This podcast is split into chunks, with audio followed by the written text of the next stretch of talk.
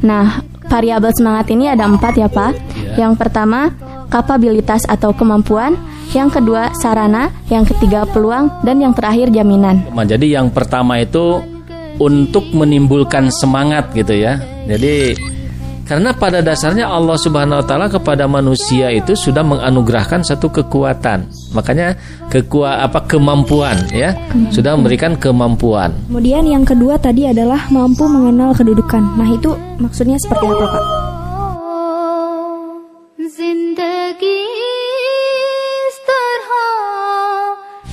Assalamualaikum warahmatullahi wabarakatuh. Waalaikumsalam warahmatullahi wabarakatuh.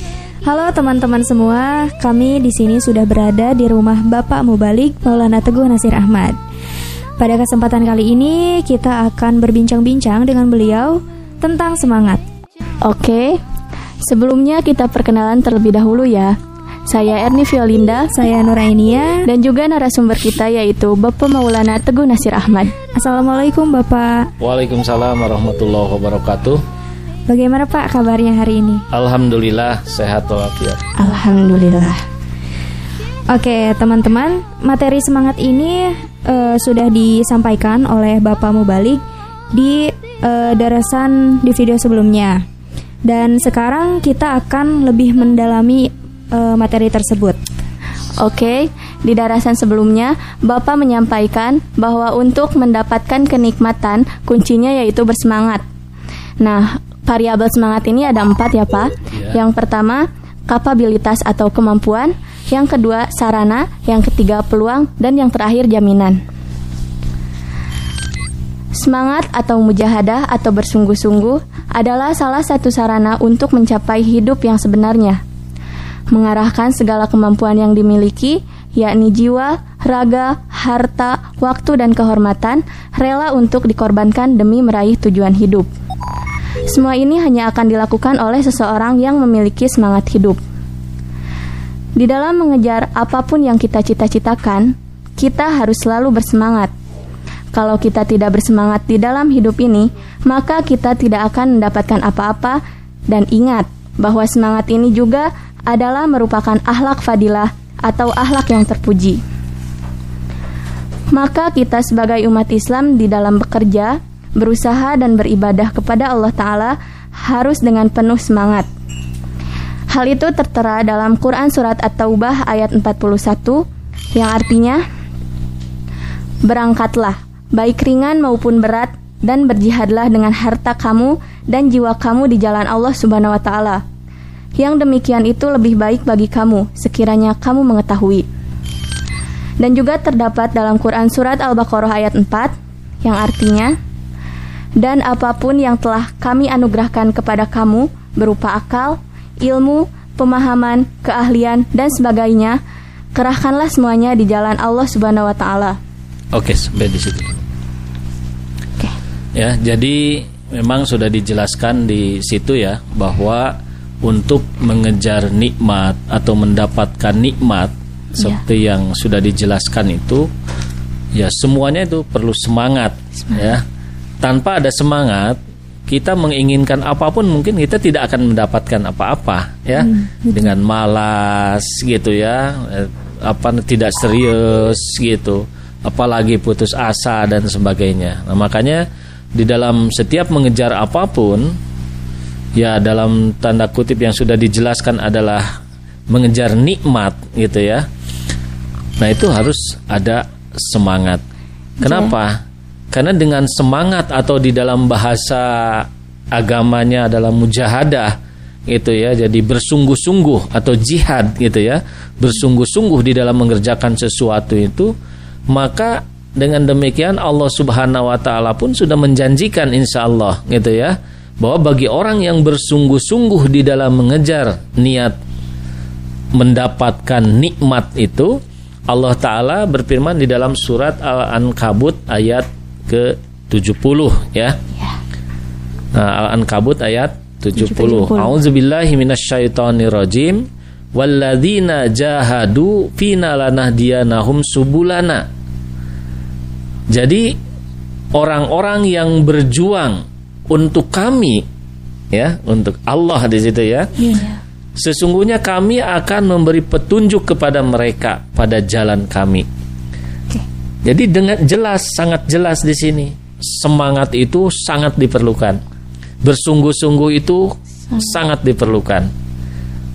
Anak sekolah, siswa-siswi ingin mencapai apa namanya tujuan lulus dari sekolah itu perlu semangat. Hmm, Dari mulai masuk sekolah harus punya semangat yang tinggi. Ya. Ingin jadi apa pun gitu, harus semangat. Dan di situ janji Allah taala bagi orang yang bersungguh-sungguh ya, Allah akan Memberi. membukakan jalannya. Tapi ingat di sini apa pun tujuannya, nikmat apa pun yang kita cari hanya satu, Semangat. ridho Allah Subhanahu wa taala, ya. ridho. Ridho. Jadi kalau kita eh, punya cita-cita ingin mencari nikmat, yakni nikmat karena Allah akan ridho kepada kita, maka Allah akan membukakannya. Pertanyaannya bagaimana seorang siswa kan mengejar ijazah gitu Iya. kan? Iya. Ya secara lahiriahnya mengejar ijazah.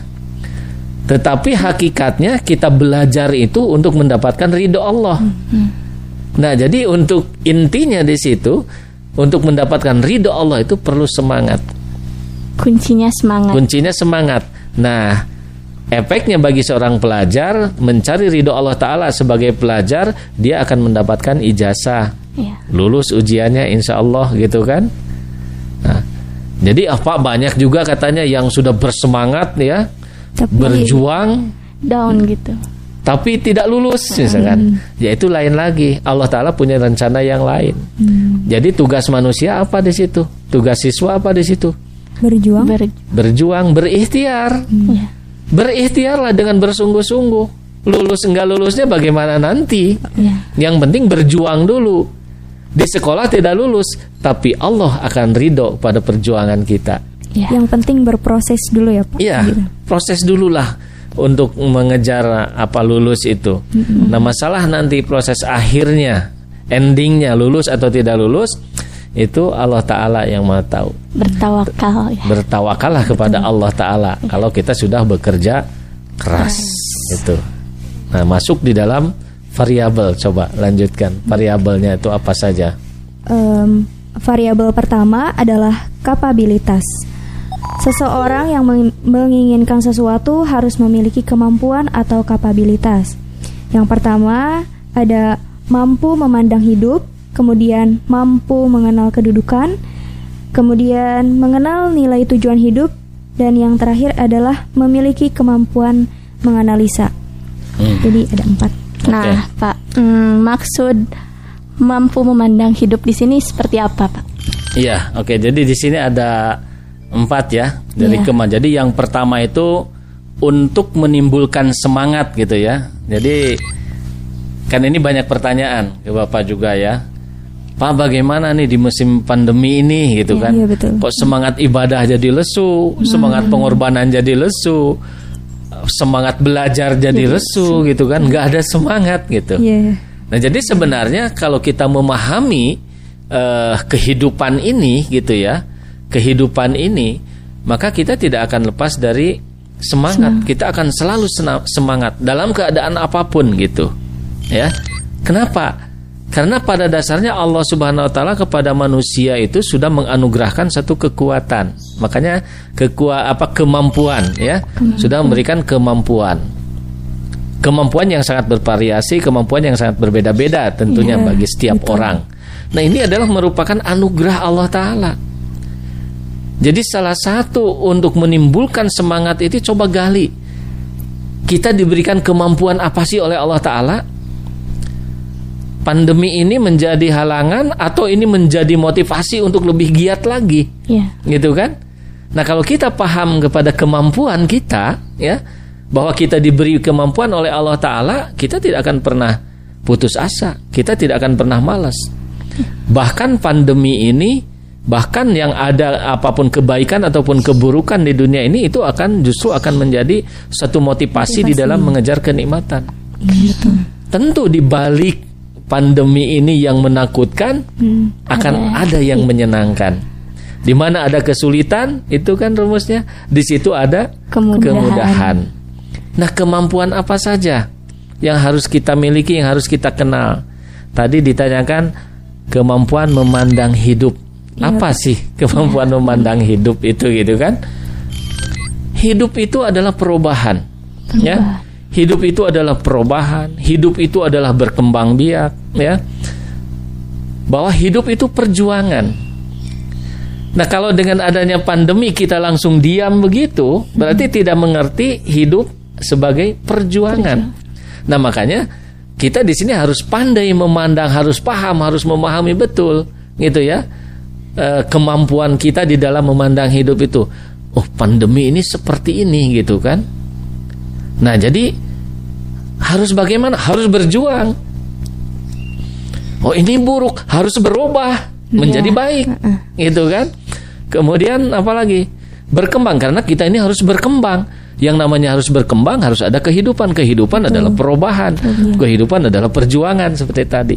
Nah, jadi kalau kita mengenali itu, apa pun halangannya, kita akan terus berkarya, akan terus beraktivitas, ya.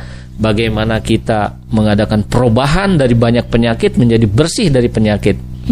Bagaimana kita apa namanya itu supaya terus berkembang dari keburukan yang sangat fatal menjadi berkurang, berkurang akhirnya keburukan itu Hilang. hilang gitu kan.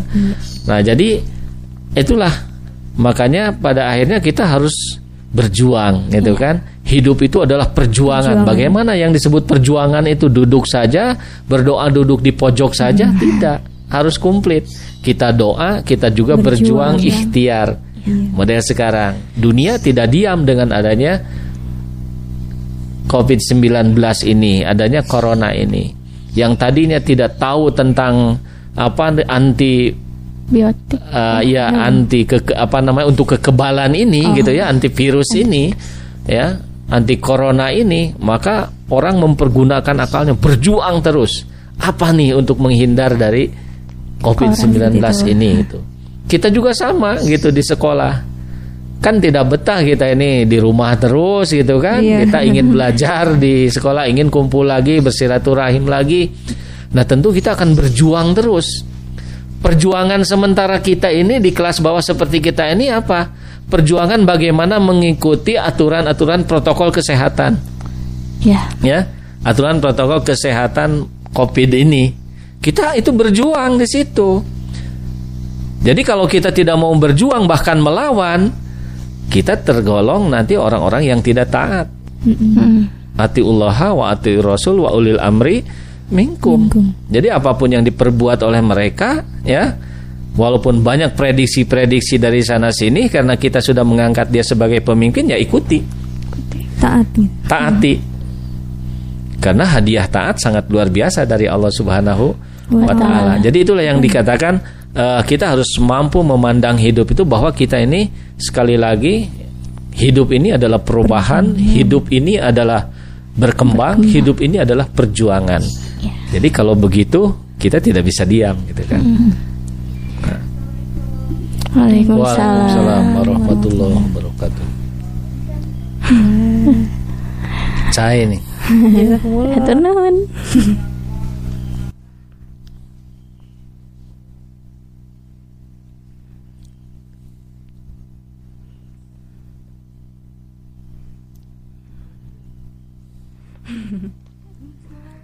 Mangga. Eh, baik Pak, sebelum kita lanjutkan, eh, kita minum cai dulu. Oke, silakan. Mari. Bismillahirrahmanirrahim.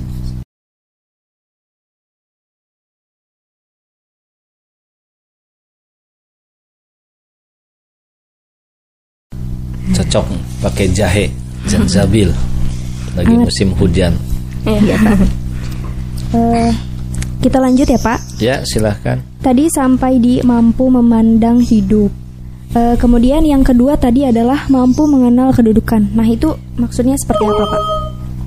Ya, jadi eh, kita juga harus mengenal apa tadi em, kedudukan, Kedudukan, kita kedudukan. ya. Itu akan menimbulkan semangat juga ya. Eh, jadi kemampuan mengenal kedudukan kita. Siapa sih saya ini, gitu kan? Sedang apa, sedang di mana, mau apa dan sebagainya, gitu kan? Nah, jadi dengan mengenal itu, kita akan pandai nanti menempatkan diri, Mengondisikan. mengkondisikan. Sekarang kita punya kemampuan, kita mengenal ya, bahwa saya ini pinter matematika, pinter IPA misalkan itu ya di sekolah Iya. gitu. Nah, jangan milih bahasa. Jadi kalau kita nanti memilih jurusan bahasa padahal kita tidak ada kemampuan ke situ, Ya, kita, bisa kita apa? akan menemukan kesulitan. Kesulitan. Akhirnya akan turun turun semangatnya semangatnya. itu. Tetapi kalau kita sudah mengenal diri bahwa saya ini mampu untuk melakukan ini, kemudian kita milih misalkan apa yang kita mampu itu, maka insya Allah di dalam perjalanannya pun kita akan terus akan lancar, berjalan. akan itu dan kita akan semangat terus. Nah di dalam kehidupan pun dalam mengejar apa pun, cita-cita apa pun, bukan hanya sekolah, itu ya, kita harus mengenal. Pak Nasir seorang apa? Seorang mubalik misalnya itu ya, ya. Pak Nasir akan menempatkan diri sebagai seorang mubalik. Pak Nasir nggak bakal ikut-ikutan ikut bicara politik dan sebagainya karena Pak Nasir karena tidak mampu berbicara bidangnya. itu bukan bidang itu ya. Nah, itu jadi kita harus benar-benar mengenal siapa sih saya ini. ya Tuh. Sekarang dalam masyarakat saya ini petani, buruh tani atau bur- serabutan. Gitu kan? Saya ingin menikmati hidup ini memiliki mobil. Ya, mungkin bisa jadi ke rumah sakit malah nantinya Iya. gitu kan. Kenapa? Cita-citanya terlalu tinggi, kemampuan tidak ada gitu ya. Tidak tahu diri jadinya kan. ya Kemampuannya hanya bisa beli sepeda. Nasir menginginkan mobil atau sampai akhirnya bingung gitu kan, melamun, akhirnya dibawa ke Akhirnya- rumah sakit jiwa. Iya. Nauzubillah Nauzubillah. gitu kan. Nah, jadi kalau setiap orang bisa membaca dirinya, Mengenal diri. mengenal dirinya gitu ya. Maka dia tidak akan jatuh kepada keputusasaan jatuh ke sakit stres depresi dan sebagainya ya. Di dalam masalah berkeluarga memenuhi kebutuhan keluarga cobalah kenali diri kita gitu ya. Jangan kita membeli sesuatu memaksakan membeli sesuatu kemudian akhirnya kita kebingungan untuk membayarnya. Ini banyak zaman sekarang ini ya. Betul. banyak sekali iklan-iklan lihat ini ingin Ingin itu. lihat ini ingin. Akhirnya kredit. Ya. Ya. begitu tukang kredit narik ya kita lari gitu kan. Akhirnya bohong terus gitu kan. Ya. Akhirnya kita pinjam sini pinjam eh, sana gitu kan. Eh, apalagi ada yang disebut bank emok itu gitu kan. Nah, itu kita harus hati-hati. Sudah itu main bunga main riba dan sebagainya itu sudah melawan Allah Subhanahu wa taala. iya dosa Ya. besar. Jadi kalau kita tidak mampu membeli sesuatu seperti orang kaya memilikinya, ya kita jangan. Malah kita berdoa ya. Kita belum bisa membeli seperti itu kita doakan mereka. Ya. Ya, kita mah mungkin jadi pembantunya atau jadi apanya lah gitu kan. Itu orang beli mobil ya kita mah jadi yang numpanginya kalau kita ada keperluan kan. Paling kita punya 5000 sampai di mana gitu kan. Ya. Nah, kita ikut numpang di mobilnya gitu kan atau kita ikut mandikan mobilnya gitu kan Yang penting ke situ. Ya, jadi yang penting jangan sampai kita ini stres. Nah, ini di zaman sekarang ini harus banyak orang itu introspeksi diri tadi kan. Iya Iya. betul. Ah, jadi semangat hidup akan timbul kalau kita mengenal diri Diri. diri, kita. Ya. Gitu, mengenal siapa saya, saya ini, mampunya untuk apa saya ini. Nah, sama siswa-siswi juga mau meneruskan sekolah nanti ke perguruan tinggi. Coba kenali dari sekarang. Siapa sih Nunun ini? Siapa sih Erni ini? Ya. Ahli matematika, ahli IPA, ahli fisika atau ahli apa? ya Sehingga nanti akan timbul, oh saya harus ke perguruan ini, ngambil jurusan ini. Nah, itu akan semangat gitu. Memperjuangkannya, Memperjuangkannya itu itu akan semangat. menggebu-gebu gitu. Nah, Nah, aduh bagaimana Pak katanya ini kan saya sih kemampuan saya ada di sini tapi mama saya tidak ini, orang tua saya tidak ini. iya. Coba musyawarahkan. Musyawarahkan itu. Nah, kalau kita bisa membangun kemampuan itu ya yang di luar eh, keahlian kita, tapi kita masih bisa membangun berusaha, ya oke-oke saja gitu ya. Tapi biasanya agak sulit. Tapi ada juga yang berhasil seperti itu. Nah, jadi memang kita di sini harus benar-benar introspeksi diri ya untuk mengenal, Mengenal diri diri. kita ini siapa. Iya betul. Nah ini kebanyakan sekali lagi orang yang jatuh, orang yang pres, apa yang depresi, ya stres itu karena tidak mengenal dirinya, siapa dirinya. Akhirnya dia melakukan hal-hal yang tidak diajarkan oleh agama atau yang dibenci oleh agama, yang dilarang. Akhirnya jatuhlah kepada keburukan, kenistaan. Itu jangan sampai seperti itu. Baik, Pak. Jadi harus mengenal diri sendiri supaya tidak jatuh ke sana kemari gitu. Iya, ya. betul.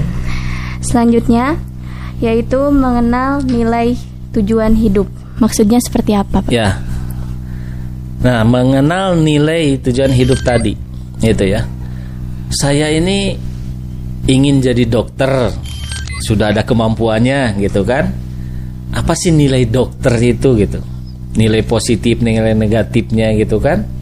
Oh, jadi dokter ini bisa berkhidmat untuk membantu masyarakat di dalam hal kesehatan Iya. Iya betul. gitu kan? Jadi nilai jadi dokter itu tinggi sekali gitu. Di pandangan manusia, di pandangan Allah Subhanahu wa taala. Karena apa? Karena jadi dokter itu dia akan menjadi pengkhidmat umat manusia, memenuhi kebutuhan manusia di dalam kesehatannya. Kesehatan. Ya. Oh, saya ingin jadi pen- pedagang di masa depan itu. Karena kita tahu seorang pedagang ini sebagai pelayan umat juga Iya. di dalam memenuhi kebutuhan sehari-hari. Iya betul. Ah, saya dagangnya di sembako berarti memenuhi kebutuhan masyarakat, mempermudah kebutuhan masyarakat di dalam hal sembako. Iya. Sama contoh yang lain-lain seperti itu. Jadi guru, apa nilai jadi guru itu? Oh, jadi guru itu akan memberikan Ilmu. ilmu kepada umat manusia. Ingat hadis Rasulullah Shallallahu Alaihi Wasallam tentang keilmuan itu, ya, bahwa eh, ketika manusia itu mati maka terputuslah semuanya kecuali tiga hal: sedekah jariah, ya, eh, doa anak yang soleh, ilmu, Ilmu yang bermanfaat. bermanfaat. Nah, jadi kalau jadi guru itu artinya apa? Akan memberikan Ilmu, bermanfaat. ilmu gitu ya akan memberikan ilmu ini juga dalam merupakan pengabdian ibadah dalam melayani makhluk Allah Subhanahu wa taala di dalam hal ilmu pengetahuan bagaimana orang-orang ini ketika mendapatkan ilmu dari dia ini kemudian orang itu mengamalkan dan ilmunya itu sangat bermanfaat untuk manusia maka akan mengalir doanya itu kepada guru-guru itu jadi harus tertarik jadi guru ini ya Iya betul. tapi bukan untuk bisnis ya. Nah, jadi sekarang udah banyak guru-guru yang bisnisnya cari pekerjaan kan. Itu. Tapi coba niatkan jadi guru itu adalah untuk berkhidmat, untuk menghidmati umat manusia di bidang ilmu Pendidikan. pengetahuan. Siapa pun itu kan. Ya. Untuk jadi guru ini siapa pun kan bisa sekarang. Punya Iya, ilmu apa saja yang penting yang bermanfaat, yang diajarkan, yang dicontohkan oleh junjungan kita Nabi besar Muhammad Sallallahu alaihi wasallam. Nah, kita di dalam jemaat alhamdulillah. Hadat Halifatul Masih sekarang itu kan terus supaya apa memberikan motivasi-motivasi ya dengan membentuk taklim gitu kan. Iya. Itu bentuk motivasi untuk eh, kita belajar gitu kan. Ilmu. Taklimul Quran, ada kelas tatar, ada apa lagi? Ada kelas tatar, ada T3 ki gitu kan. Nah, itu banyak sekali. Itu semuanya adalah supaya kita bisa mendapatkan ilmu dan mereka akan mendapatkan pahala, akan mendapat mudah-mudahan niat mereka juga untuk mencari ridho Allah Subhanahu wa taala. Nah, jadi itulah yang dikatakan nilai hidup itu ya. Jadi kita jadi apa pun, kita harus tahu sih. Ah, saya mau jadi arsitektur misalkan itu ya. Apa sih nilainya jadi arsitek itu? Arsitektur. Ah, saya mau jadi wartawan, apa gitu kan? Wartawan membantu ke mengkomunikasikan gitu kan. Tapi bukan untuk meng apa namanya? Dijadikan bisnis. Menjadikan bisnis atau apa namanya itu membuat fitnah ke sana kemari gitu ya. Menakut-nakutin orang gitu kan. Tidak seperti itu. Tapi jadilah menjadi eh, penghubung antara masyarakat atau orang yang tidak tahu dengan yang akhirnya bisa menjadi tahu gitu kan. Orang yang di kota bisa tahu keadaan daerah-daerah bisa diketahui juga oleh orang-orang kota gitu kan. Masyarakat diketahui oleh uh, pemerintah, Pemerintah. pemerintah juga bisa mengetahui tentang keadaan Masyarakat. masyarakat. Itu dengan sopan dengan santun ya. Para wartawan itu bisa membawakan itu itu bisa aman. Tapi ketika para wartawan ketika para eh, ya wartawan itu sudah salah langkahnya maka dunia hancur. Itu tenaga pena itu luar biasa gitu kan? Untuk menghancurkan untuk membuat fitnah yang nah, jadi kalau kalian ingin jadi wartawan silahkan ingin jadi reporter silahkan ingin jadi apa tapi, tadi itu apa nilainya sih yang dikejar dari situ Jadi ya, usahakan untuk mencari ridho Allah Subhanahu wa taala karena di situ kesempatan untuk beribadah di dalam setiap aktivitas itu sangat banyak setiap aktivitas Peluangnya. untuk meraih ridho Allah ya. iya itu itu Baik, intinya eh, sebelumnya ada pertanyaan nih Pak. Hmm. Kalau kita sudah mempunyai kemampuan, kita sudah tahu kemampuan kita, kita juga memaksimalkan atau mengasah kemampuan kita, namun sering kali semangat itu jatuh atau hilang. Lalu lama sekali semangat itu akan timbul kembali. Jadi, bagaimana itu, Pak? Agar semangat itu tidak hilang atau cepat kembali. Ya, tadi yang dijelaskan oleh Bapak itu kan eh, sangat apa namanya itu usaha-usaha lahiriah gitu kan. Usaha-usaha lahiriah itu. Nah, ada salah satu usaha lagi yang tidak boleh kita lupakan. Apa itu? Doa. Doa, gitu kan? Berdoa itu. Jadi tanpa ada kekuatan Allah Subhanahu wa taala, ya, maka kita tidak akan bisa berbuat apa-apa, Ya. ya. Kita mau jadi orang baik, kita mau jadi orang buruk, kita mau jadi apa saja gitu ya. Berdoalah kepada Allah Subhanahu wa taala. Banyak berdoa, banyak beristighfar pada Allah taala. Ya. Nah, jadi dengan semangat berdoa kepada Allah Subhanahu wa taala itu kita yakin kepada Allah Subhanahu wa taala, insya Allah Allah taala akan memelihara itu. Ya. Ya memang contoh itu selalu kita kembali kepada Nabi gitu kan. Bagaimana Nabi itu tidak pernah putus asa, tidak pernah malas, tidak pernah apa ya. Karena beliau dekat dengan Allah taala. Ya. menghadapi apa pun di dunia ini gitu kan? Bagi kita mungkin ah, sudah sudah males gitu kan? Sudah turun semangat lihat lawan wah itu Ah, besar gitu nyerah, kan? ny- nyerah sudah gitu. menyerah gitu kan? Wah itu sulit. Wah akhirnya stres dan sebagainya. Tetapi kita mengenal Allah Subhanahu wa taala yang maha segala-galanya. Ya. maha komplit ilmunya, maha besar, ya, maha tinggi, maha berdiri sendiri dan sebagainya. Kita paham itu dan kita dekat dengan Allah Taala, maka semua itu akan terciprat kepada kita. Kekuatan-kekuatan Allah Taala itu akan diberikan pada kita. Semangat pun akan diberikan kepada kita. Semangat asalnya datang dari Allah, maka kembalikan juga kepada Allah kita minta Ya. ya. Jadi yang tidak boleh dilupakan itu di dalam hal mempertahankan supaya kita tetap dalam keadaan semangat itu dekatlah dengan Allah taala dan bermunajatlah, berdoalah kepada Allah Subhanahu wa taala. Insya Allah. Seperti itu berdoa. Nah, Pak, eh, kemudian yang keempat tadi adalah memiliki kemampuan menganalisa. Iya. Jadi kapabilitas atau kemampuan menganalisa. Kenapa? Ya. Karena di dalam menempuh apa yang dicita-citakan itu tidak semuanya mulus. Itu pasti selalu ada batu sandungan. Ada kerikil-kerikil tajam gitu kan. Ada yang membuat kita putus asa dan sebagainya. Ada yang membuat kita ketika berjalan kita harus berhenti gitu kan. Nah, dalam kondisi seperti itu, kalau kita tidak memiliki kemampuan menganalisa keadaan, kita ya tadi itu kembali akan putus asa. Kita akan mogok, kita akan berhenti. Ya. Atau bahkan kita stres gitu kan. Nah, jadi makanya di dalam hidup itu kita harus eh, memiliki kemampuan menganalisa. Dalam Al-Quran selalu disebutkan ulil albab gitu kan, selalu mempergunakan akal gitu kan. Jadi orang-orang yang mempergunakan akal ulil albab itu. Nah kita harus termasuk di dalamnya. Jadi ketika kita mentok di dalam satu perjalanan itu, coba kita berhenti dulu di situ, kemudian kita merenungkan apa yang menjadi penghalang di situ.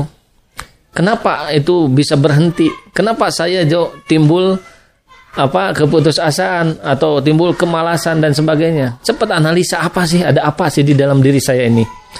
Atau kalau ada halangan-halangan dari luar, kaji gitu. Kemudian setelah mengkaji itu semua, ya keadaan lingkungan diri kita, keadaan lingkungan kita kaji semuanya, ya kita analisis mengadakan uh, apa namanya penganalisaan di situ. Nah, dengan kemampuan menganalisa tadi, maka akan muncullah solusi baru, jalan baru, hmm. gitu kan? Dengan mempergunakan akal. Oh, ini kesalahan saya. Jadi harus pandai menganalisa. Berarti saya tidak tidak harus memaksakan pakai cara ini, saya harus pakai cara, cara ini, lain. gitu kan? Gitu. Oh, saya kok di sini mentok terus ini. Saya harus robah gitu kan? Nah, jadi dengan cara apa bagaimana itu tergantung bagaimana cara menganalisa keadaan kita itu ya kemampuan menganalisa itu maka dengan demikian insya Allah dengan memiliki kemampuan menganalisa itu kita tidak akan ada istilah berhenti mogok berjalan gitu ya pokoknya apa pun yang terjadi itu akan jadi ilmu bagi kita kalau kita pandai menganalisa ya. ya sehingga kita tidak akan pernah berhenti di dalam mengejar nikmat, nikmat yang hakiki itu. Itu. Hmm. Baik Pak, e, dikarenakan materi ini sangat luas, hmm. kita cukupkan sampai di sini dulu. Ya, insya Allah okay. di lain waktu akan kita kupas kembali. Oke, okay, insya Allah. Um, mungkin ada kesimpulan dari Erni. Baik, untuk kesimpulan dari variabel semangat ini yaitu yang pertama harus memiliki kemampuan, mm -mm. yakni mampu memandang hidup. Artinya hidup itu perubahan, hidup itu berkembang dan hidup, hidup itu perjuangan. Kemudian selanjutnya yaitu mampu mengenal kedudukan. Di sini kita harus mampu mengenal siapa kita, di mana kita, atau pada intinya introspeksi diri. Kemudian yang ketiga yaitu harus mengenal nilai tujuan hidup. Nah, di sini kita harus mengetahui apa yang kita inginkan, apa yang kita cita-citakan. Misal kita ingin menjadi guru, dokter, ataupun apa saja itu yang kita inginkan. Kemudian yang terakhir yaitu memiliki kemampuan menganalisa. Nah, dengan memiliki kemampuan menganalisa ini, insya Allah kita tidak akan pernah berhenti mengejar nikmat yang hakiki. Mungkin itu saja. Iya. Ya, baik. Um, bagi teman-teman yang memiliki pertanyaan, silahkan bisa dituliskan di kolom komentar. Dan jazakumullah kepada Bapak Maulana Teguh Nasir Ahmad yang telah uh, memberikan materi pada kesempatan kali ini. Uh, Masya Allah, sangat uh, luas ya pembahasan kali ini, walaupun ini baru di variabel variabel pertama. Semoga bermanfaat bagi kita semua. Baiklah, saya Erni Violinda dan saya Nur Ainia. Kami pamit undur diri. Wassalamualaikum warahmatullahi wabarakatuh.